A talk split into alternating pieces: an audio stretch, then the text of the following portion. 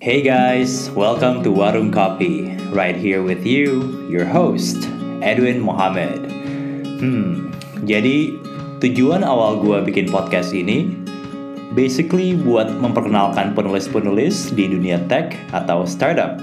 Misalnya copywriters, UX writers, content strategists, script writers, and so on. But on second thought, writing isn't only about being in the world of startups atau tech, right? Lo bahkan bisa masuk dunia hukum atau politik sebagai penulis.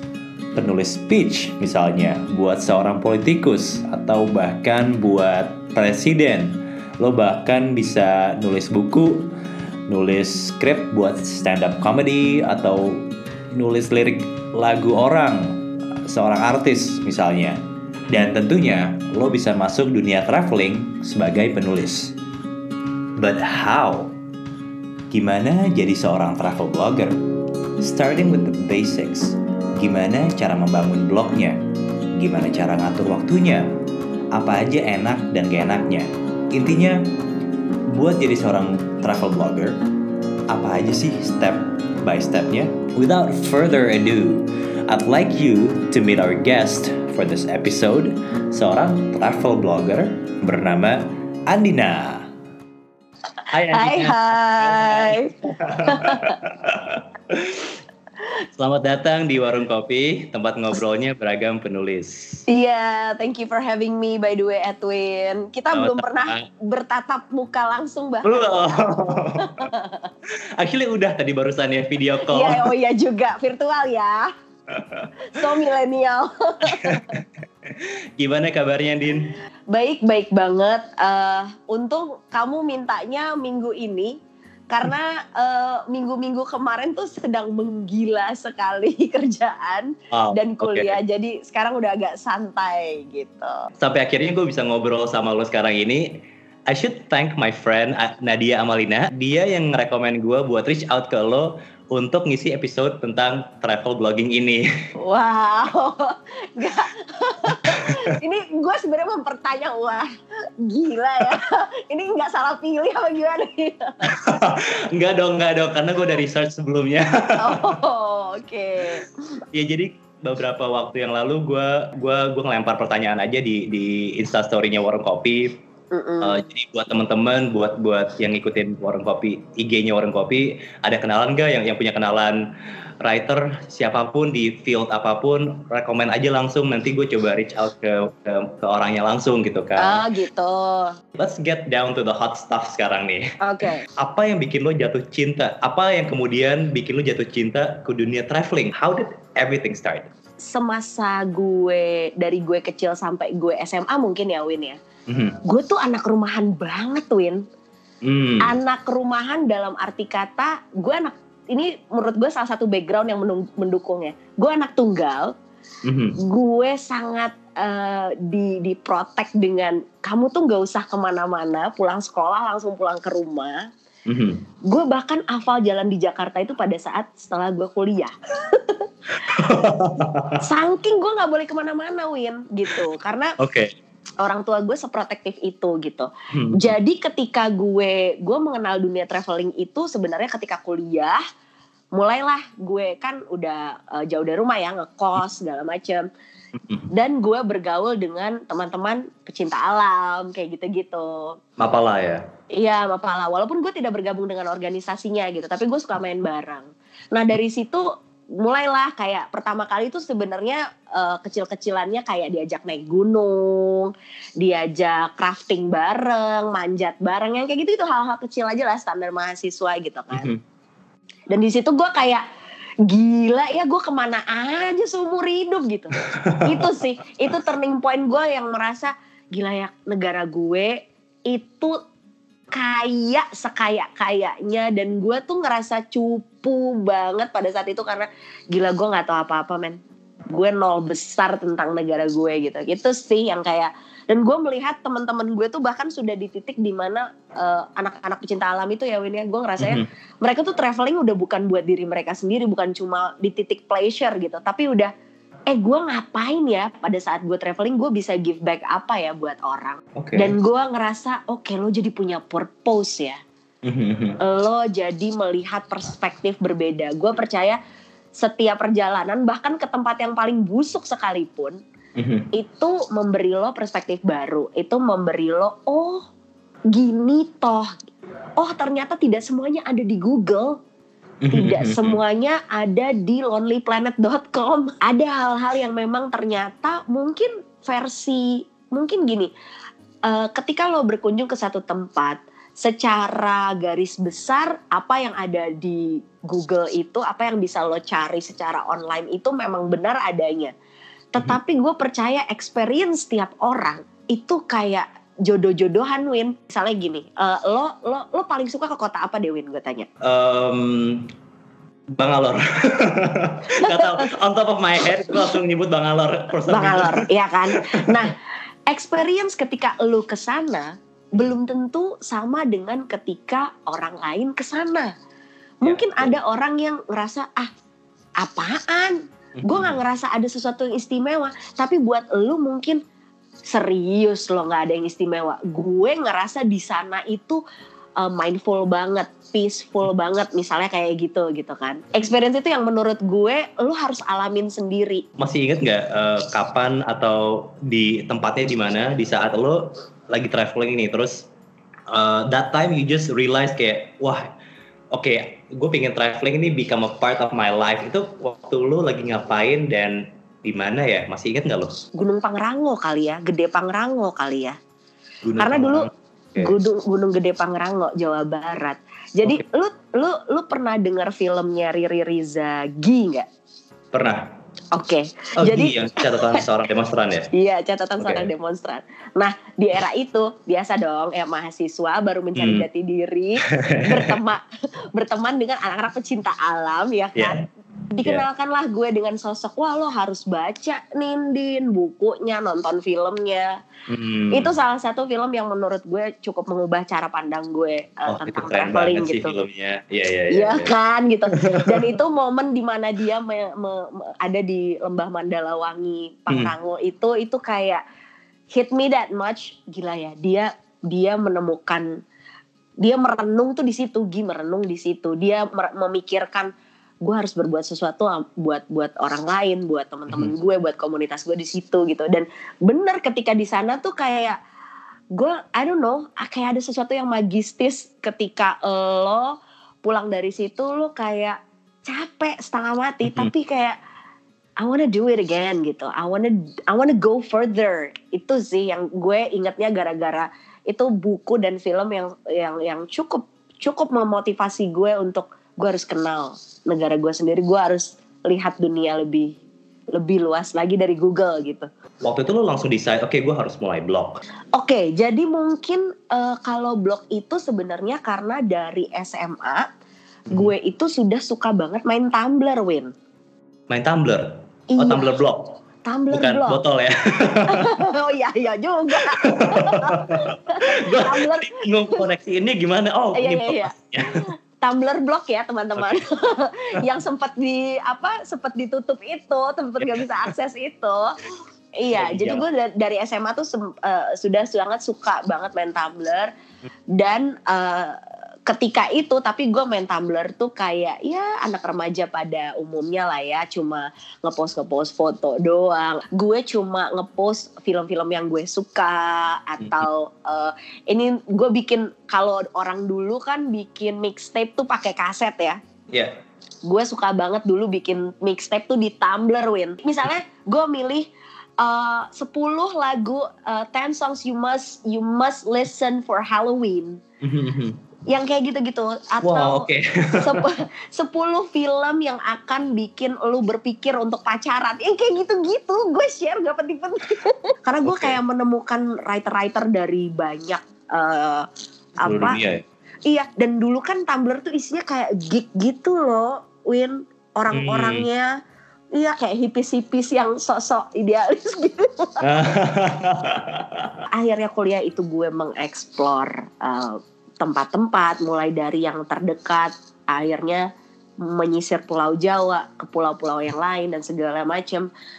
uh, di situlah gue mencicil-cicil dari yang kayak gue cuma cerita tiga paragraf itu pernah Win mm-hmm. kayak gue cuma bilang oh itu masih di Tumblr atau udah itu masih di Tumblr pada saat itu oke okay. itu itu masih di Tumblr dan bahkan gue belum tahu oh ini tuh namanya blogging ya gue cuma tahunya main Tumblr gue bahkan belum tahu ada istilah oh, blogging okay. serius okay. gitu terus uh, tapi gue sudah suka bercerita dan gue sudah suka menggali di tempat itu yang membuat gue terpukau tuh apa ya dan akhirnya gue tulis gitu sampai akhirnya ketika gue kuliah nah mungkin kuliah adalah salah satu yang membentuk karakter menulis gue ya Mhm. Karena di situ gue ngerasa bahwa oh ternyata nulis yang enak dibaca tuh kayak gini ya.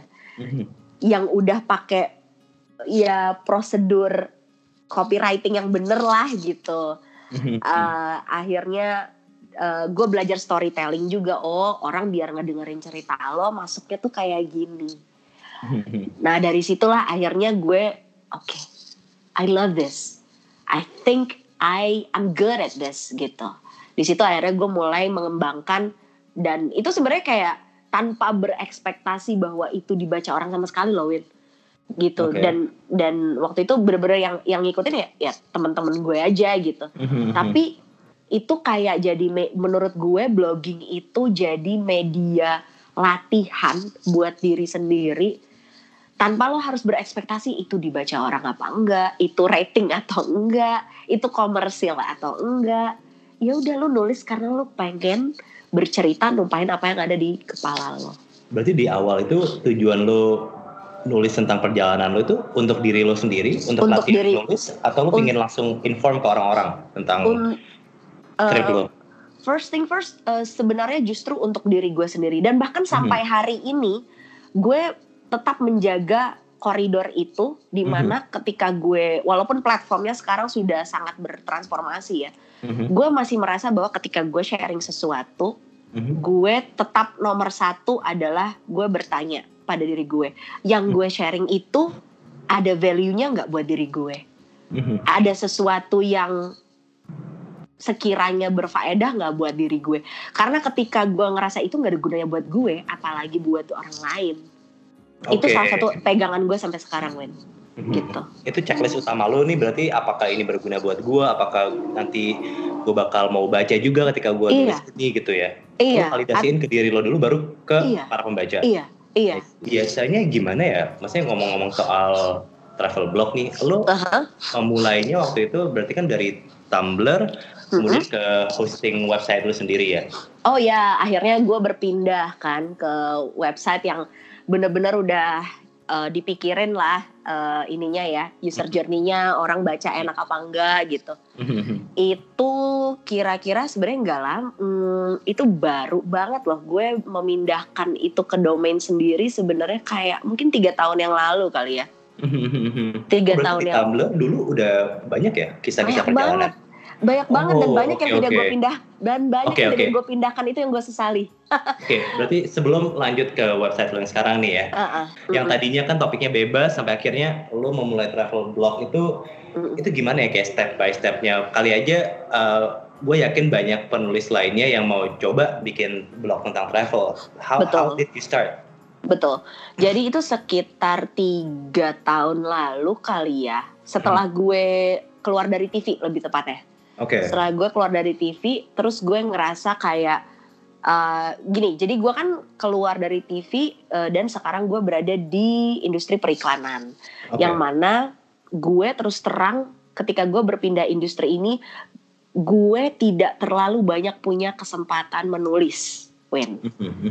Kenapa? Karena pekerjaan gue tidak membutuhkan skill menulis gue. Karena uh, memang elevate-nya adalah ya beda banget ya antara copywriting advertising sama hmm. yang namanya lu nulis script writing. Oh, oke. Okay. Script writing di TV. Nah, akhirnya ketika gue menyadari itu, aduh tapi gue nggak mau kehilangan sisi nulis gue. hmm Karena gue gue yakin itu kalau dibiarin itu tumpul. Itu kayak okay. bahasa aja Win gitu. Ketika lo tidak latih, ketika lo tidak biasakan menulis lagi lo akan tumpul gitu. Mm-hmm.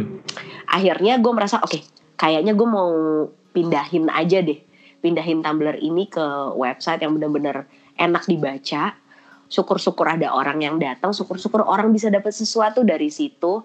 Mhm. Dan pada saat itu gue sudah melek bahwa ini bisa dimonetize. Oke. Okay. Dari situlah gue berpindah dan serius untuk itu gue pikirin banget gue pilihin uh, apa UI UX-nya mau kayak gimana segala macam. Dengan dengan keterbatasan yang sekarang kalau gue lihat lagi anjir ini berantakan banget UI UX seiring dengan sering dengan lo belajar ya gitu. Berarti kalau lo bisa breakdown ke ke bisa dibilang apa ya simple steps lah untuk mm -hmm. nge, nge, nge package blog lu sekarang. Kayak mm waktu itu step kayak step by stepnya gimana ya? Maksudnya kan sekarang lo udah punya blog itu mm pastinya nge-reflect tentang siapa diri lo kan. Mm dan kayak brand lo personality lo gaya mm tulis lo. Nah sampai mm akhirnya lo bisa nge-package sedemikian rupa seperti sekarang mm ini itu gimana ya waktu itu? Pertama banget yang gue lakukan gue ngeriset Oke. Okay jadi kan platform website itu ada banyak ya, lo bisa pilih. Jadi buat teman-teman yang mungkin mau start blogging juga, sekarang tuh udah banyak banget ada wix.com, ada WordPress, ada Blogspot, ada macam-macam. Nah, yang gue pilih adalah si sesimpel mana yang menurut gue gue sanggup maintain. Oke. Okay. Mana yang sekiranya gue akan cepat belajarnya gitu. Uh, karena ketika gue pada saat itu gue sadar bahwa ketika lo ngeblok itu bukan cuma sekedar buka website aja udah. Tapi hmm. itu membutuhkan effort maintenance yang luar biasa. Makanya gue tepuk tangan banget ya kayak buat travel blogger yang bener-bener uh, apa ya bener-bener niat banget gitu. Hmm sama aja lah kayak YouTube gitu. Menurut gue ketika lo mau maintain subscriber lo kan harus selalu ada konten berkala kan. Blogging juga menurut gue kayak gitu gitu.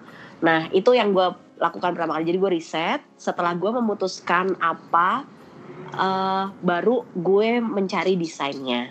Mm-hmm. Desain yang gue layoutnya, layoutnya, iya. Hmm. Layoutnya baru gue ngeras uh, uh, di, di situ gue mencari yang sekiranya oh ini tidak hanya waktu itu gue udah berpikir gini Win desain itu nggak cuma enak buat gue tapi hmm. ini tuh nyaman gak sih buat orang baca karena okay. yang banyak terjadi kesalahan yang menurut gue adalah banyak blogger yang lu misalnya nih lu bikin kursor yang aneh-aneh penuh glitter glitter bergentayangan ngerti gak lo yang mana bos ya. itu uh, pembaca tuh nggak ganggu tau nggak? Itu tuh ganggu banget buat pembaca gitu. Iya iya iya.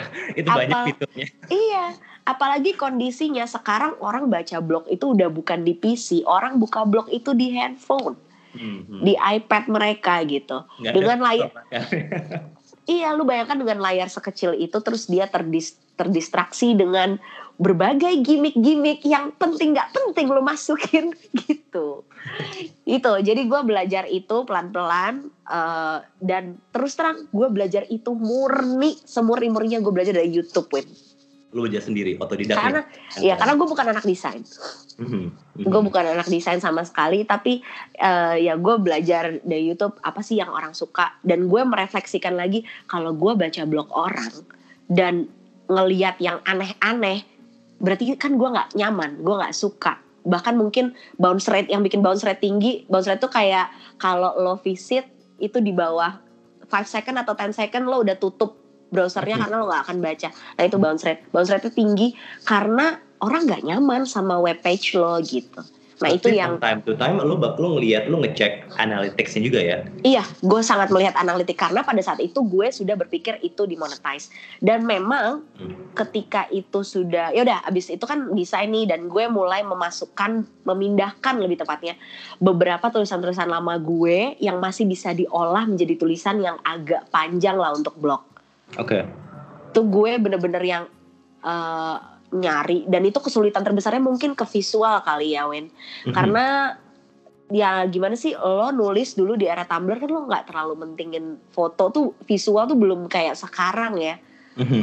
blogging tuh blogging bener-bener paragraf gitu sekarang mm-hmm. gue ngerasa kalau blog gue lebih dari 300 kata aja 500 mm-hmm. kata orang tuh nggak baca Wow, bahkan lu udah ngedevelop apa best Yes. practice yang paling cocok buat yes, blog lu ya? yes. Hmm. Gue sudah membandingkan, gue sudah menganalisa itu secara statistik visit bahkan. Hmm. Bahkan ada gue bisa mengu- mengukur uh, uh, di menit keberapa, di scroll Hmm. bagian mana orang nutup orang nutup browsernya, gitu. Hmm.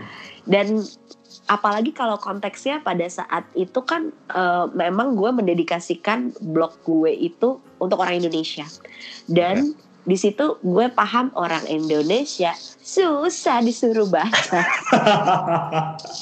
I know how you feel. ya ya kamu paham sekali pasti. Ya kan? Mereka akan lebih suka ketika psikologisnya gue bikin oh cover cover foto opening foto foto foto paragraf foto foto paragraf. Kayak gituin sesimpel itu gue bereksperimen dengan dengan dengan tulisan-tulisan gue. Eh, dan ya udah sampai akhirnya memang di tahun 2019 ini oh sorry di perjalanan itu puji Tuhan gue menemukan eh, pintu-pintu kecil lah tidak Hmm. banyak memang tapi gue menemukan pintu-pintu kecil di mana gue mulai bisa monetize blog itu kayak Oke. misalkan eh, ada mulai kayak hotel yang ngajak barter Hmm. atau ada open trip sekarang kan banyak open trip open trip gitu ya yang ngajak Iya. kolaborasi bareng gitu terus kayak waktu tahun 2017 itu eh, kita lagi heboh hebohnya orang-orang Indonesia ke Maldives kan? Ya, ya, ya, ya. kayak gitu-gitu. Dan itu eh, apa namanya gue ikutan si Maldives hemat itu dan kita bikin artikel eh, cara cerdas nabung ke Maldives kayak gitu-gitu. Jadi kayak hal-hal yang orang pikir itu gila loh duit dari mana? Jualan apa?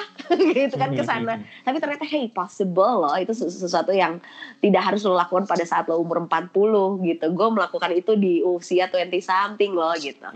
Kayak gitu-gitu. Jadi sampai akhirnya eh, ya puji Tuhan itu jalan.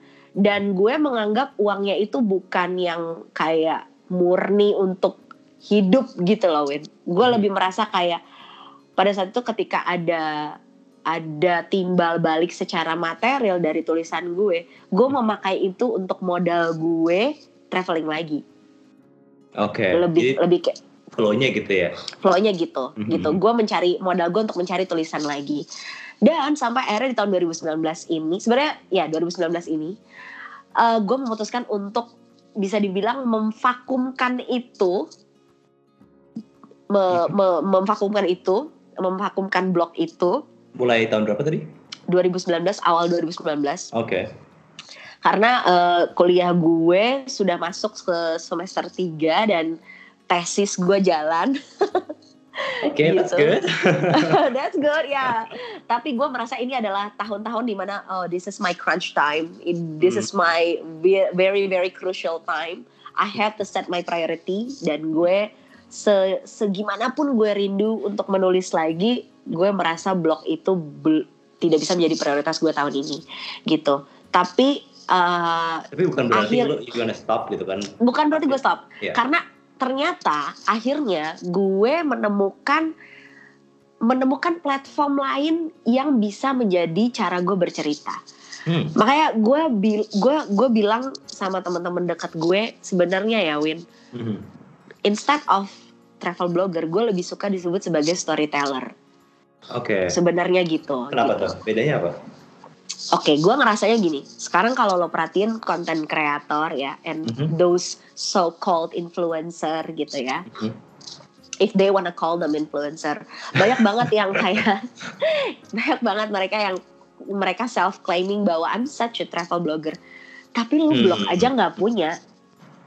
Kayak those yang self claim bahkan yang apa sih menurut gue yang quality-nya ya not so good lah karena justru Iya. yang punya quality nggak self claim kayak gitu sih menurut Iya, gue ngerasa how could you claim yourself as a travel blogger when in fact you don't even have that platform, you don't even have Wait what? website. Uh, halo. What on earth is happening? Misalnya, ya, misalnya yang lo jalankan ternyata adalah uh, uh, YouTube atau Hmm. bahkan yang cuma lo jalankan adalah Instagram aja gitu, IGTV gitu. Mhm. Ya, ya menurut gue, gue tidak. Akhirnya gue jadi berpikir gitu, oh, Win Mhm. kok kayak uh, gue sedikit atau banyak uh, gue merasa tidak layak untuk disebut travel blogger gitu. It's a tough job menurut gue it's a tough job gitu. The toughest itunya the apa the toughest which which part is the toughest? I think the toughest one is become uh, uh is to maintain to be consistent itu yang menurut gue okay. uh, berat gitu. Lo tidak bisa ketika sama ketika orang menyebut dirinya youtuber, mm-hmm. sama ketika orang menyebut dirinya influence, yang lo influence apa sih? Mm-hmm. kan gitu, mm-hmm. gitu kayak uh, jadi jadi gue uh, pada saat ya pada saat di mana orang-orang sedang menggembar-gemborkan travel blogger ini, gue juga jadi kayak ya karena gini, ketika lo membuat uh, konten di sosial media atau platform digital apa pun, mm-hmm. misalnya you claim yourself as travel blogger, but then isi vlog lo atau isi isi isi konten lo mm-hmm. itu nothing but misalnya lu nunggu di airport lu nunggu di airport mm-hmm. terus ya udah eh gue udah sampai sini gue udah sampai sini gue makan ini mm-hmm. Terus apa sorry ya apa ya sorry ya gue ngerasanya kayak gila ya anak sekarang nontonnya kayak gini ya gue jadi tanpa bermaksud sombong ya Win tanpa yeah. bermaksud sombong tapi gue merasa gue tidak berhak untuk mengklaim diri gue sebagai travel blogger ketika gue bahkan tidak melakukan blogging yang sesungguhnya gitu. Lebih susah nge ngebangun uh, travel blog atau nge-maintain travel blog? Maintain definitely. Mm-hmm. Membuka membuka sebuah website itu sangat mudah, membuka sebuah portal itu sangat mudah. Makanya gue bilang uh, orang tuh semua orang bisa banget. Bahkan banyak yang sengaja bikin buka gitu ya tapi ya udah isinya isinya apa gitu foto-foto mm-hmm. doang terus cuma satu paragraf dan lo klaim itu sebagai my journey in Prague. my journey my in journey, Morocco. tapi isinya kayak cuma satu foto. iya, lu mengkhianat menurut gue this is ya again ya orang mungkin lu kok kayak serius banget sih Din. Well, buat gue itu sesuatu yang penting. Ketika lo mengklaim my journey, lo mengkhianati kata journey itu men Karena gitu loh iya iya nah akhir sampai akhirnya tapi again di situ gue menemukan uh, alihan peralihan uh, uh, uh, platformnya Win ke sekarang akhirnya gue lebih banyak bercerita di Instagram jadi kalau lo uh, membuka Instagram gue dan uh, melihat foto-foto yang gue post, fit yang gue post. Sumba terakhir ya kalau salah ya terakhir itu bahkan minggu lalu gue di Baduy. Oh right, baru minggu lalu nih berarti. Baru minggu lalu. Jangan-jangan waktu gue reach out ke lu, lu masih di sana ya? Untungnya masih bersinyal ya. Untungnya masih bersinyal. Jadi pada saat gue uh, sekarang gue memindahkan itu ke situ, gue pengen terus terang gue bukan anak fotografi, Win. Mm -hmm. Gue tidak jago dalam hal foto, tapi gue suka menceritakan uh, perjalanan gue dan memudahkan orang untuk membayangkan itu dengan visual foto gue, dengan visual video gue, hmm. gitu. Jadi yang gue lakukan adalah gue melakukan, gue mungkin gue menyebut, I don't know if it, if this is the right term or not, hmm. tapi gue menyebutnya mungkin sebagai micro blogging, okay. micro storytelling, karena gue mengupas itu menjadi kepingan-kepingan yang jadi lebih mudah buat orang snacking ketika dia scroll mm-hmm. membaca tiga paragraf dua paragraf di Instagram gue dan mereka mendapatkan oh gitu ya di sana oh oh ada ya kayak gini mm-hmm. masih ada ya kayak ya kayak minggu lalu itu sebenarnya gue menemani teman gue riset di Badung di Badung di Baduy di Baduy dia dia lagi penelitian gitu mm-hmm. sama kebetulan kita satu dosen pembimbing gitu deh jadi hmm. dia riset di Baduy terus dia kayak dia bolak-balik selama ini ternyata cuma sampai Baduy luar. Jadi Baduy itu kan ada Baduy luar, Baduy dalam kan. Mm -hmm. Yang mana dari Baduy luar ke Baduy dalam itu lo kayak masih harus naik gunung lagi 5 jam. Wow, naik gunung. Oke, okay, oke. Okay. Iya. Jadi dia bilang, gue mau riset sampai ke dalam karena gue mau ngobrol sama warga penduduk mm -hmm. lokalnya. Tapi gue nggak berani. Nah, that's why akhirnya gue temenin kan. Mm-hmm. Dan di situ ya udahlah, gue juga belum pernah ke Baduy, lah, let's go gitu kan. Dan wow, itu di sana, sorry, dan akhirnya gue di sana uh, bener-bener apa ya gue happy banget sih ke Baduy dan gue menyesal baru ke Baduy sekarang gitu ya Mhm. karena itu bener lu bayangin itu tempat yang tidak jauh dari Jakarta Mhm. masih ada di Pulau Jawa masih ada di Banten bahkan Iya. tapi bener-bener nggak ada mereka sampai sekarang bukan karena tidak bisa listrik masuk ya mereka menolak untuk pakai listrik Win Dengan alasan? dengan alasan itu adalah aturan adat mereka Hmm, oke masih strong berarti adatnya. ya? Yes, mereka tidak ada listrik. Jadi malam-malam itu kita benar-benar cuma hidup pakai obor. Jadi Wow. kita obor lilin, Mhm. terus rumah tempat rumah-rumah tempat kita menginap, rumah-rumah penduduknya itu tidak ada satupun yang punya furniture. Jadi wait wait wait. Wait.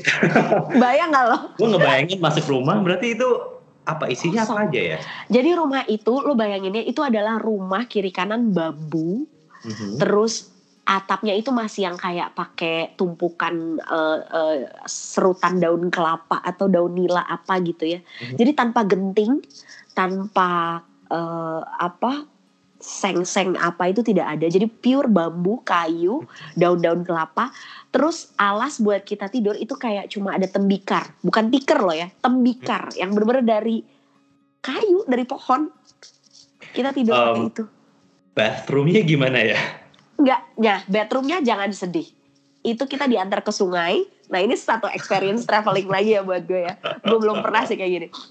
Jadi kita uh, udah nyampe sore-sore gitu kan.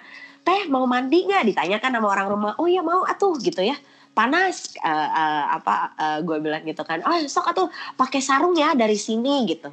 Wah. Oh, Sunda ya berarti ya dia. Sunda, Sunda banget, Sunda banget. Oke. Eh, pakai sarung ya teh dari sini gitu. Oh siap gitu. Kita emang udah dibilangin tuh Win dari Jakarta. Jangan lupa ya bawa sarung gitu. Mhm. Biar gampang mandinya. Gue bayangan gue kan lu sesarung-sarungnya lu masih ada bilik dong. Mhm. Iya gak? Iya iya iya. iya. Sorry, apa itu bilik? Oh Jadi- wow. Jadi yang terjadi adalah dari rumah penduduknya itu kita ya kayak jalan kaki 5 menit gitu. Itu sungai, sungai panjang seada-adanya. Hmm. Kita cuma dipisahin sama batu-batu besar gitu antara yang cowok dan yang cewek. Mhm. Dan kita berkubang, literally berkubang. Berendam di sungai itu. Ya udah bersihin badan. Dan ini adalah salah satu aturan yang masih di, mereka jalankan sampai sekarang. Mereka itu tidak bisa pakai sabun, shampoo, pasta gigi. Bayang nggak? Nah, itu menolak atau ada Menolak, tidak Hmm. mau. Karena salah satu filosofi hidup mereka, mereka percaya bahwa semua uh, produk, semua produk buatan manusia yang menggunakan bahan kimiawi itu Hmm. akan menghancurkan alam. Wow. Wow. Jadi yang mereka mereka gitu. Exactly, Hmm. gue kayak, hah, dengan kemudahan modernis- modernisme yang kita punya saat ini ya Win gitu, Mhm. kita mereka memilih untuk hidup seperti itu. Dan lo tahu cewek-cewek itu rambutnya glowing, Win, glowing, bingung gak lo? Wait, wait, glowing gimana? In, in, in what term glowing ya? Oke, lo kebayang itu Hah? itu naik gunung 5 jam pasti lepek dong rambut lo. Oke oke. Ini mereka enggak hitam, panjang, berkilau, you name Itu- it lah yang ada di Oke. TVC apa ya kayak gitu. No way. Itu karena bisa dibilang karena konsumsinya mereka ya apa namanya? Na- Natural Jadi- semua gitu. Nah, jadi dan gue amazed mereka tidak ada yang bau badan, Win. Jadi ternyata mereka mengganti produk-produk kimiawi ini. Misalnya eh, si kerak shampoo-nya itu mereka tuh kayak pakai sabun eh bukan sabun apa serabut kelapa apa gitu Win. Mhm. Jadi kayak itu jadi jadi jadi shampoo-nya mereka. Jadi sorry to say sebelum body shop atau store-store Korea itu mengeluarkan coconut shampoo gitu ya. Oh man, I like coconut. ya dong. Itu kan wangi kan? Iya. Sorry, suku Baduy sudah melakukan itu Oh, Berapa? wow. Bertahun-tahun. Gitu, Win. Itu yang membuat gue gila, tepuk tangan Hmm. panjang gue. Dan again itu menurut gue experience yang gila nih, mahal banget nih Oke. gitu. Lo ke sana pun ngikutin gaya hidup mereka berarti bu, nggak Iya. bawa sabun sendiri atau sampo Tidak sendiri. boleh, tidak Hmm. boleh. Dan oh, itu turis pun di nggak nggak dibolehin. nggak dibolehin. Jadi kita pendatang itu cuma boleh nginep satu malam di situ. Hmm. Lu boleh datang lagi tapi harus di hari yang berbeda. Mhm. gitu. Dan so- kita harus ikutin semua aturannya gitu. Jadi gue bahkan tidak menyalakan handphone gue sama sekali. Kita Mhm. tidak boleh mengeluarkan kamera merekam apa pun. Jadi kita hanya boleh kayak menggunakan alat-alat modern itu pada saat di hutan bad- baduy luar jadi kita Nggak bolehnya boleh di mana tadi? Di Di Baduy? Dalam. Di Baduy Dalam. Baduy Dalam. Oke, Iya, ba- jadi- Baduy Dalam itu tempat tinggalnya mereka berarti. Iya, kayak udah apa ya? eh, di ada perbatasan jembatannya gitu deh, jembatan kayunya gitu. Mhm. Begitu udah masuk situ, ya itu emang orang-orang suku-suku yang masih menjalankan aturan itu dengan 100% gitu. Mhm. Dan dan mereka dan itu again, nah ini perjalanan yang menurut gue cerita-cerita traveling kayak gini menarik untuk dibicarakan eh, via via platform gue. Salah satunya sekarang yang lagi aktif adalah Instagram gitu ya Mhm. itu gue ceritakan pada saat itu sesimpel gue iseng dong nanya sama orang sana Mhm. abah kenapa atuh kalau pakai keram apa pakai sampo teh emangnya gitu kalau Mhm. emang di kalau emang dilanggar teh kenapa gitu Mhm. kepo dong gue wen ya kan Mhm. gue tanya ih bukan apa-apa teh. Waktu itu pernah ada yang keramas. Jadi ada pengunjung. Mhm. cewek. Iseng lah dia keramas win di sungai. Pakai sampo. Oke, oke. dia keramas sore itu sekitar Bada Isya. Bada Isya tuh jam 7 setengah 8 malam gitu. Hmm. dia kayak kesurupan gitu Win No way. kejang-kejang gitu sampai dipanggilin si puunnya puun tuh kayak kepala adatnya Aha. gitu Aha. terus kayak ya dibaca-bacain apalah disuruh sholat lah segala macam Mhm. jadi sesimpel mereka mereka tidak berani untuk melanggar aturan adat karena mereka percaya hukumnya ada di situ.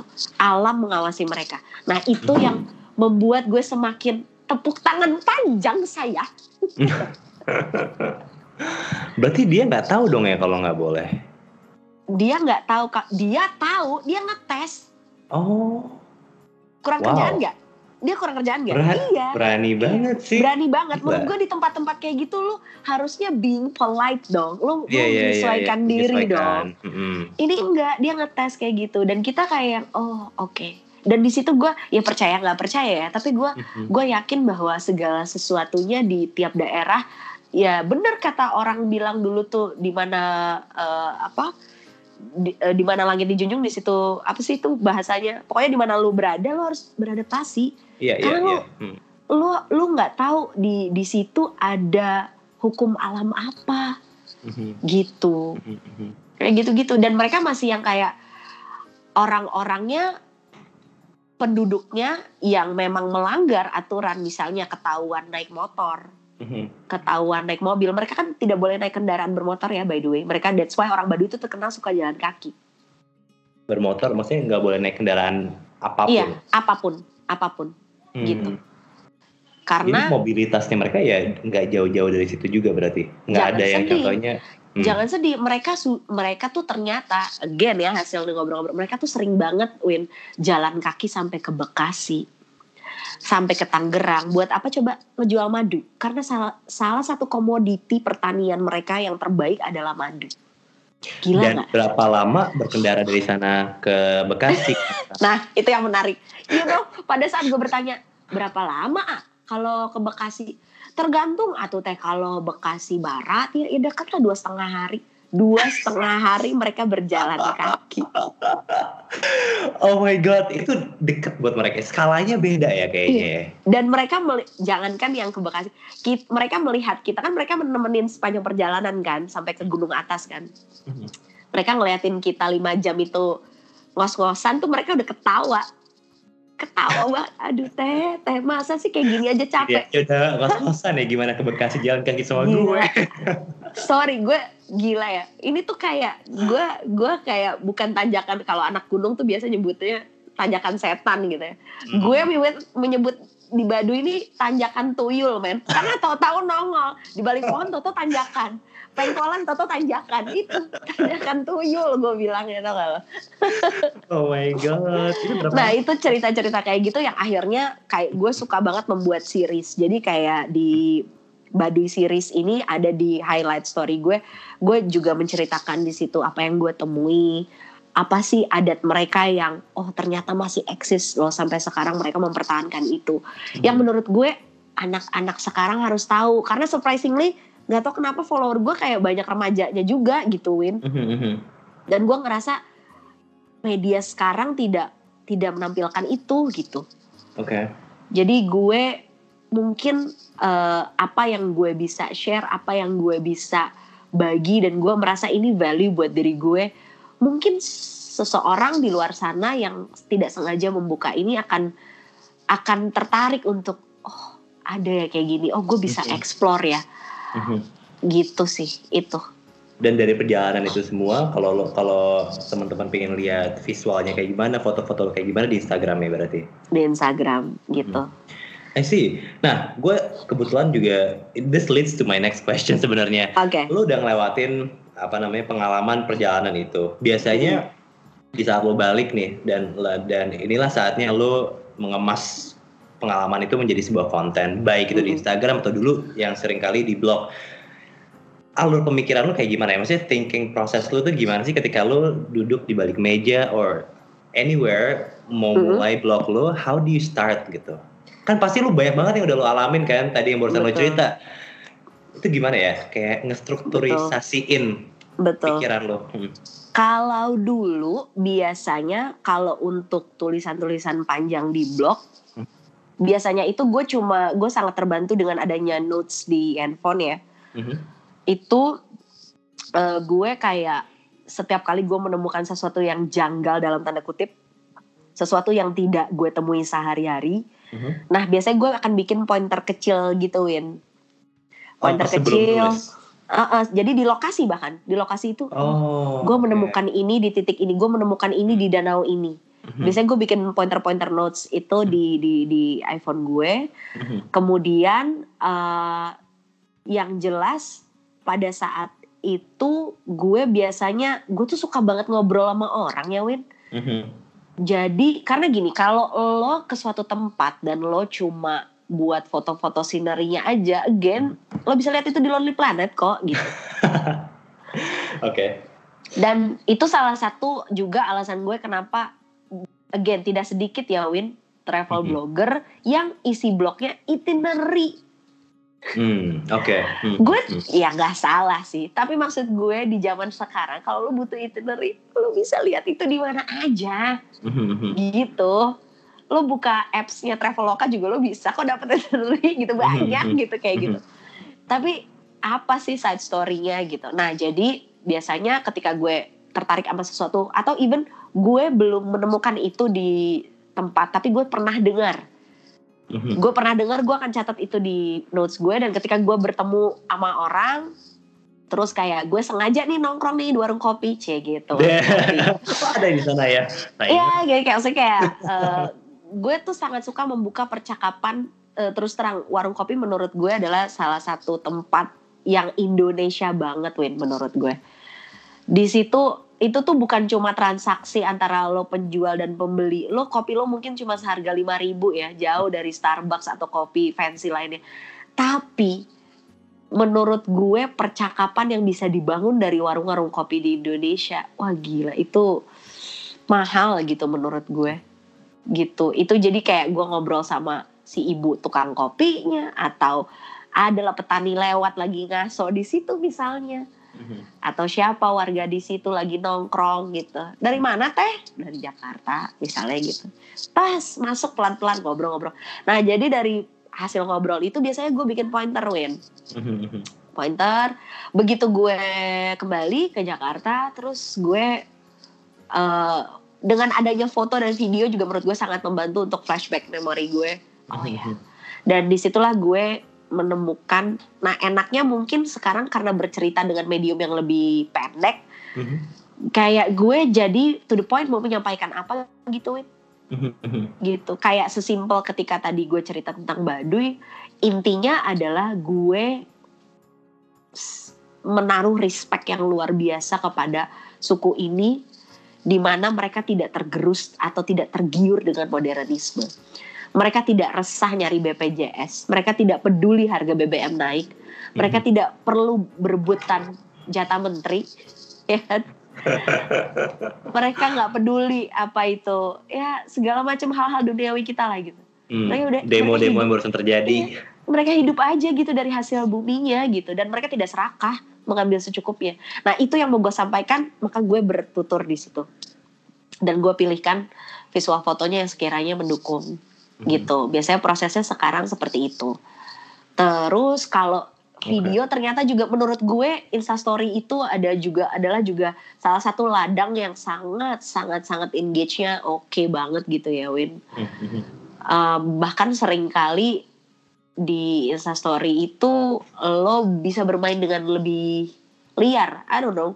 Mungkin orang hmm. lebih suka snackingnya seperti itu karena ketimbang juga di feed kan sekarang algoritma Instagram kan ngawurnya banget banget ya. gitu. Sementara kalau kalau Instastory kan lo kayak temen lo tuh kayak tiap malam lo pasti tap tap tap tap tap gitu. Yeah, yeah, itu. Yeah. Terus dengan adanya fitur-fitur lo bisa bertanya lo bisa polling, lo bisa apa, hmm. menurut gue itu menarik banget untuk yeah. jadi medium lo bercerita. For, ma for many reasons lebih gampang nge-reach out ke audience lo lewat Instastory ya. Iya. Almost Dan, every day, every time, every second mereka pasti buka. Betul. Dan uh, sampai tahun 2019 ini memang Indonesia masih tercatat sebagai uh, konsumen Instastory tertinggi kedua di dunia. Nomor satu India. Wow. Gitu. Yeah um, not surprise sih sebenarnya. Iya. But wow, kedua ya. Kedua, kita kan apa-apa juga di story ini ya. iya iya iya iya. Nah, cuma kan gue again gue melihatnya adalah hmm. ketimbang orang cuma tap tap, ketimbang gue cuma foto hmm. uh, top shot makanan gue, hmm. kok kayaknya sayang ya. Kenapa gue nggak berbagi sesuatu yang ya syukur-syukur ada manfaatnya buat orang gitu. Kalau hmm. orang ngerasa itu nggak ada manfaatnya ya nggak apa-apa gitu. Hmm. Tapi setidaknya buat diri gue sendiri gue ngerasa gue tuh di titik sekarang di mana gini sih Win gue ngerasa kayak gue sudah mendapatkan banyak hal sekali dari traveling gue pengen apa ya yang bisa gue istilah filmnya tuh pay it forward gitu mm-hmm. gue apa? bisa pay pay it forward oke okay.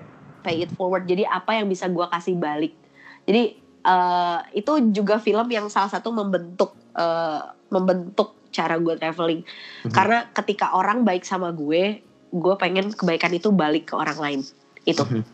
dan gue percaya itu kayak muter aja win kalau lo gitu kalau lo balik sama orang mm -hmm. baik sama orang lo lo pasti dapat kebaikan jadi kayak sekarang gimana caranya biar itu uh, itu ada gunanya lah buat orang gitu Oke, okay, gue mau balik sedikit. Tadi kan uh, lo mention kalau maintaining blog lebih susah dibandingin building the blog, right? Benar gue yakin banyak orang yang pengen jadi travel blogger tapi gue banyak gue yakin juga banyak yang lalu mundur karena ya mereka kerja lima kali seminggu Betul. dan to be frank mereka jadi ngerasa kayak oke okay, gue nggak mungkin punya sih uh, waktu mm. untuk nge-maintain mm. blog gue akhirnya ya udah mm. mundur mm. do you have any tips atau solution uh, buat case-case kayak gini?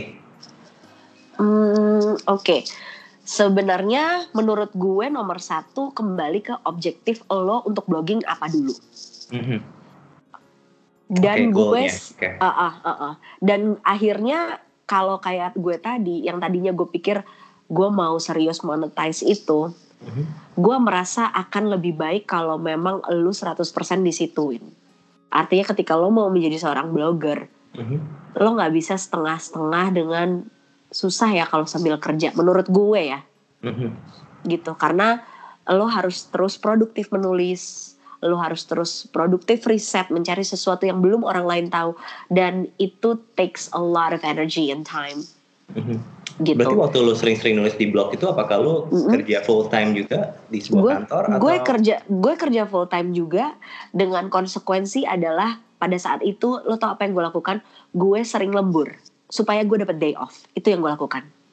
Wow, oke. Okay. There is sacrifice of course. Yes. Hmm. Jadi gue menyengajakan diri untuk lembur supaya gue dapat day off uh, lebih karena hmm. jatah cuti kita berapa sih dalam setahun gitu lo nggak bisa ngarepin itu. Hmm, itu yang gue lakukan dan pada saat itu gue masih possible untuk banyak lembur karena gue nggak sambil kuliah.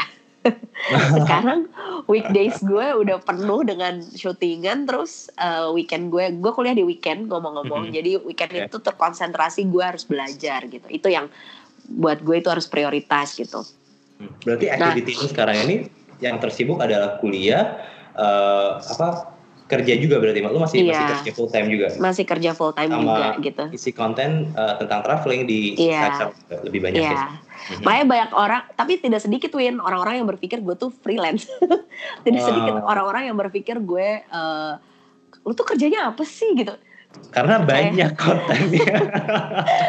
Percayalah, gue gue juga buruh 9 to 5, jangan sedih gitu. Gue masih gue belum memberanikan diri untuk untuk freelance gitu. Hmm. Jadi eh, gue tetap tetap berusaha untuk dan gue masih lebih apa ya tahun 2019 ini masih lebih ngerem lah karena ada kuliah itu kan. Jadi gue lebih ngerem untuk traveling gitu. Kayak gitu. Jadi balik lagi ke objektif lo. Kalau lo emang monetize menurut gue sangat beranikanlah diri untuk memang lo full time di situ gitu. Jangan jangan ya blogging asal lo blogging aja gitu. Menurut gue sayang ya. Dan lo gue gue inilah malu kalau gue ya. Kalau gue malu gitu dengan gue menyebut uh, diri sebagai seorang blogger tapi apa yang gue kasih ke orang gitu? Konten seperti apa yang gue kurasi buat orang gitu. Jadi bahkan tapi dari lo- kedua oke. Mm, gimana gimana? Ya, tapi kedua, eh, kalau misalnya ternyata, dan ini menurut gue kedua ini adalah mungkin tujuan gue di tahun depan. Ketika gue mau mengaktifkan kembali blog gue, eh, gue berpikir untuk ya udah gue nulis karena gue butuh penulis. Mhm. Gue menulis, karena lu butuh penulis gue nulis karena butuh menulis. oh, oke oke Karena memang itu sarana buat gue latihan tanpa tapi gue di berharap Instagram bisa juga kan Iya betul sekali. Tapi memang gue harus gue harus gue akui Win ada hal-hal yang eh, hilang ya kalau lo nulis di blog tuh kan lo jadi terlatih secara structure. Itu jadi ini banget deh sangat ngebantu banget cara lo opening, cara lo menyampaikan body masalah, cara lo Mhm. kasih hook di closing. Itu asik banget sih menurut gue nggak tergantikan gitu. Oke. Gitu. Dan jadi bahkan uh, sorry Mhm. sorry gua gua cut sedikit ya iya ya jadi bahkan dari lo yang yang sebenarnya nggak nggak nggak full time karena lo kerja juga kan kantoran Iya. tapi lo mau ngasih advice ke mereka yang mau mulai jadi travel blogger udah lo full time aja gitu karena Iya. kalau tujuan lo buat monetize ya you can live from from there gitu kan Heeh, heeh. Hmm. apalagi kalau lo masih muda ya Win gitu Mhm. go for it gitu go for it banget What are the simple steps untuk nge-monetize blog gitu? Cara cara simpelnya tuh kayak gimana? Konsisten menulis itu nomor satu Tapi apa Lu- yang adakah lu yang perlu gue jangan- daftarin blog gue ke ke sebuah apa ya? um, I don't know agency or or any Hmm. outsource or anything? Nggak. nomor satu menurut gue eh, lo harus konsisten menulis Mhm. dan eh, gimana caranya lo membuat tulisan itu dikenal orang artinya pelan-pelan gue percaya gue percaya namanya lingkaran lingkaran konten digital ini eh, enak banget ya kayak sesimpel cara lo menemukan gue Win. Menurut gue itu adalah mata rantai yang wow. That happens because of this digital gitu. Itu nomor satu. Jadi lo konsisten aja dulu bikin konten gitu. Mungkin Nadia tidak akan mention nama gue ketika gue sudah tidak menulis lagi. Padahal gue cuma nulis di Instagram gitu. Terus kedua eh, gue sangat menyarankan lu untuk mulai belajar blogging itu bukan cuma nulis mindahin tulisan dari eh, draft lo ke online tapi ada ada step-step kayak lo belajar SEO itu penting gitu ya Mhm. gimana caranya misalnya gini sesimpel lu nulis tentang Turki Mhm. berapa juta orang di dunia ini nulis tentang Turki Mhm. tapi gimana caranya ketika lu buka Google, lu ada di mesin pencarian. Kayak gitu-gitu. Lu gampang untuk ditemukan blog lu. Lu tuh itu kan eh, hal-hal yang bisa udah banyak kok sekarang workshop-workshop blog gratis kayak gitu sumpah banyak banget di Jakarta gitu. Menurut gue itu eh, kantornya Nadia Gojek itu juga salah satu yang suka aktif bikin workshop eh, content writing ya. Itu lo Mhm. bisa gratis pula gitu di apa menara sentraya yang hits banget itu ya. Oke. Jadi lo lo ikutin kayak gitu lo aktif gitu ya eh, kenalan dengan teman-teman blog yang lain dan mungkin ikut komunitas blog juga komunitas blog juga banyak di online cari aja lo mau blogger dari blogger milenial sampai blogger emak-emak itu ada blogger yang mungkin misalnya sekarang ternyata lo adalah seorang ibu lo Hmm. pengen eh, parental blogging misalnya itu juga lo banyak kok gitu uh, apa komunitasnya lo bergabung lah di situ gitu sampai uh-huh. itu kan pelan-pelan step-step seperti itu sih gitu hmm. tapi monetization ini tuh apakah uh, pay per per visit atau hmm. atau gimana ya kalau gue kemarin itu biasanya uh, ketika ada satu tim atau satu brand atau satu hmm. apa yang menawarkan kolaborasi atau kerjasama hmm uh, biasanya gue tanya objektif lo untuk gue bikinin tulisan ini apa okay. terus lu cari visit atau lu cari awareness atau lo pengen ini sekedar kayak apa ya dulu tuh suka banyak e-commerce yang ngajakin uh, eh mau dong ditulisin biar orang tuh tahu bahwa belanja di apps ini tuh gampang misalnya mm -hmm. gitu mm -hmm. itu ada yang kayak gitu tapi oh, masih ada kaitannya sama traveling atau masih udah... ada ka hmm. kaitannya sama traveling atau kalaupun nggak ada kaitannya sama traveling yang agak jauh ya. Tapi hmm. misal kayak karena pernah gue itu gue sama zaman Elevania masih ada tuh pernah kayak gitu juga. Tapi tuker-tukerannya adalah diskon lifestyle. Oke. Okay, Lebih okay. kayak gitu. Tapi mungkin yang gue serempet adalah lo bisa cari barang-barang travel gear lo di sini. Misalnya kayak gitu. Jadi bridgingnya nggak harus 100% traveling banget gitu. Lo mau cari uh, snorkeling set, lo mau cari alat-alat hiking di sini mm-hmm. aja. Nah kan lo bisa bermain dengan kayak gitu ya gitu. Oke. Okay. Lo harus fleksibel juga sih menurut gue. Jadi kayak uh, pelan-pelan lah itu pelan-pelan. Pokoknya yang pertama lo jangan berharap bahwa di satu tahun pertama itu udah akan ada wah tiap hari lo bakal unboxing karena dikirimin gak mungkin banget jangan kayak gitu gitu ya nulis aja nulis mah nulis aja tulus aja dulu gitu mhm. nanti balik kok ke lo gitu I mean speaking of monetization jangan bukan berarti kayak yang lu pikirin duit-duitnya mulu sampai akhirnya itu iya. dibanding kualitas. Yang penting lu rajinin nulis, ngisi konten yang yang iya. yang valuable to you and to your readers. Itu aja dulu Iya, kan. iya. Dan kalau misalnya lo merasa dari blogging itu belum ada penghasilan income tetap gitu ya. Mm-hmm. belum lo belum pasang ads belum apa gitu ya tapi kan mungkin lo karena lo apalagi lo masih muda ya lo bisa kerja banyak lah lo bisa sambil hmm. freelance di event apa yeah, ya. jadi yeah. ya kan sekarang tuh udah banyak banget gitu hmm. lo blogging sambil uh, magang atau uh, hmm. kerja di DWP gitu buat Desember kan bisa. Ya yeah, banyak cara lah ya. Banyak But the banget. first thing is focus on quality, money will follow. iya itu itu itu pesan gue pesan gue nomor satu. Lu nulis yang bener dulu, nulis yang tulus dulu. Serius ntar orang datang beneran. Oke. Okay. Gitu. Okay, cool. Um, ini we're getting to the end actually karena nggak kerasa udah sejam lebih. oh ya, wow, nggak jadi tiga menit. Feel free kalau mau Nggak apa-apa, nggak apa-apa. I got carried away soalnya. Oke. Okay. um, gini, beberapa pertanyaan terakhir gue ini singkat-singkat hmm. aja.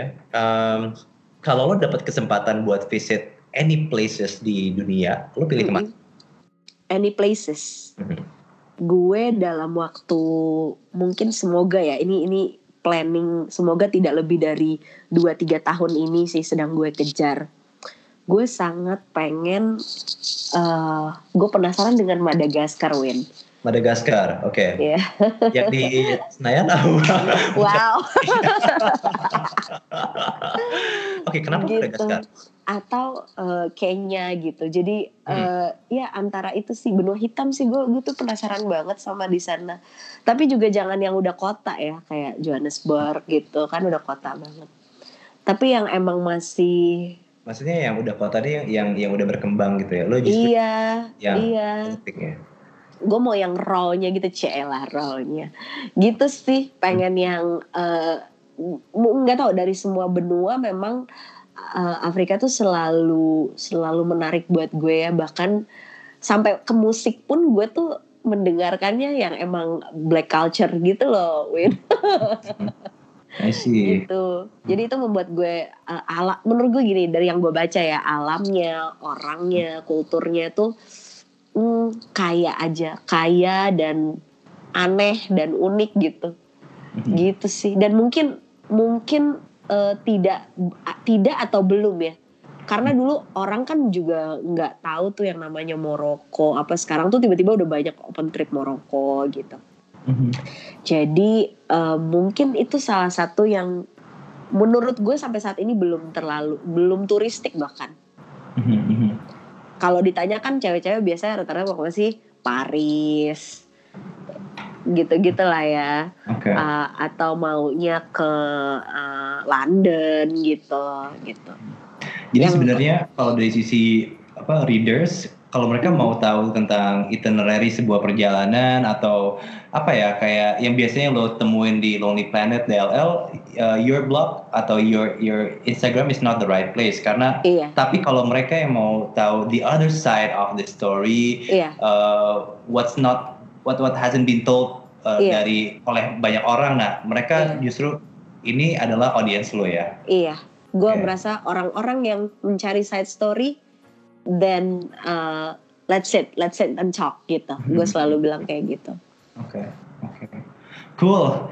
Awesome, seru banget. Gue udah ngerasa kayak jalan-jalan nih dengerin lo. gue ngerasa kayak di Baduy tadi. wow oke Oke, anyway, um, ada tips lagi nggak ya buat uh, maksudnya kan kalau gue rangkum dari dari yang lo share sebelum-sebelumnya, gue ngumpulin banyak tips. Kayak contohnya you have to be flexible, you have to apa namanya, you have to uh, focus on your quality first dan konsisten aja nulis. Um, don't you need to monetize but don't don't focus too much on the money. Udah gitu Mm-mm. apa namanya uh, ya lu mesti apa uh, cari tahu uh, ini tulisannya atau topik yang lo tulis ini berguna nggak sih buat lo dan dan apakah berguna juga buat buat reader atau ri- berguna buat reader doang contohnya kayak gitu Mm-mm. so many other Mm-mm. things ada tips Mm-mm. lain nggak buat mereka nih writers out there yang mau mulai bikin travel blog Mungkin yang terakhir adalah eh, salah satu senjata senjata kunci juga ya, nabung. nabung ya Karena gini, kalau gue pribadi ini ini ini gue pegang sampai sekarang ya. Kalau gue gue berusaha semaksimal mungkin ketika gue traveling, gue nggak mau ngutang Win. oke Kalau gue prinsip gue kayak gitu. cicilan atau gimana Eh, entah itu nggak lebih kayak eh, misalnya gue kayak kan banyak yang pakai eh, kredit card buat traveling gitu ya. Oh, oke. atau kayak lo sampai minjem buat traveling minjem duit sama siapa buat traveling menurut gue jangan melakukan itu. Menurut gue ketika lo mau sesuatu ya udah Hmm. nabung aja gitu. Oke. nabung pelan-pelan. Dan sekarang tuh banyak lo win eh, kayak open trip ya. Mhm. eh boleh lo lo DP dulu. Misalnya lo masih ngetrip di Maret tahun depan nih 2020 lo DP dulu abis itu tiap bulan nanti lo nyetor nyetor nyetor. Ini melatih diri untuk nabung. Menurut Mhm. gue itu jauh lebih sehat gitu untuk untuk traveling. Karena lo juga nggak mau kan pulang pulang traveling udah happy udah udah capek terus lo masih dibayang-bayangi dengan hutang Mhm. itu sih menurut gue yang anak muda sekarang ya jangan karena dan nggak perlu ngoyo gitu kalau misal memang mampunya lu traveling ke Jogja ya lu jangan maksa maksa traveling ke Ambon Mhm. gitu Mhm. kalau lo mampunya ke Dieng ya lu jangan maksain mau naik gunung yang jauh-jauh gitu Mhm. Oke oke. Ya, you have to know your limit juga sih ya berarti ya jangan maksain. Oke, Gitu. cool. Um, thank you so much. Thank you udah for mau having me. Uh, Din, ada yang mau lo promote nggak tentang, I don't know, recent uh, artikel yang lo tulis atau recent content yang lo bikin atau apa ya? Gue ngeliat juga lo bikin video-video di YouTube ya. Anything that you you want to promote? Eh, enggak sih Eh, kalau YouTube itu terus terang eksperimen eh, skill ngedit aja Hmm. Enggak, enggak. Tapi eh, sekarang yang aktif itu eh, di Instagram di eh, @iamandina i a m a n d y n a itu yang aktif. Oke. Dan di situ selain eh, travel story, di situ biasanya setiap eh, Senin itu gue punya yang namanya Senin dalam sinema. Jadi di Ah oke. di hari apa di hari Senin itu biasanya gue punya story series khusus Mhm. untuk membicarakan film-film pendek plus gue kasih link film pendeknya dari source yang legal Oke. gitu biasanya gue suka share itu di Senin malam kemudian di Jumat itu gue punya Jumat berbahasa di situ gue share tentang uh, mostly tentang bahasa Inggris tapi dengan cara-cara yang uh, gampang lo snacking. Uh, kita belajar bahasa Inggris bareng apa pun itu dari vocabulary dari grammar uh, pronunciation gue sharing di situ Mhm. terus lo belajarnya dari hal-hal yang uh, enak ya dari topik-topik yang kayak gue pernah bikin Jumat berbahasa itu dari debat hasil debat capres kayak Mhm. gitu-gitu Wow. jadi itu tiap Jumat malam uh, biasanya gue post juga itu kayak story series gitu jadi Mhm. buat teman-teman yang mau mem- memperdalam atau memperlancar bahasa Inggrisnya bareng-bareng ayo gitu Nice. Kebetulan gue banyak banyak temen juga yang yang yang lagi belajar bahasa Inggris. Gue coba rekomend itu ke mereka ya.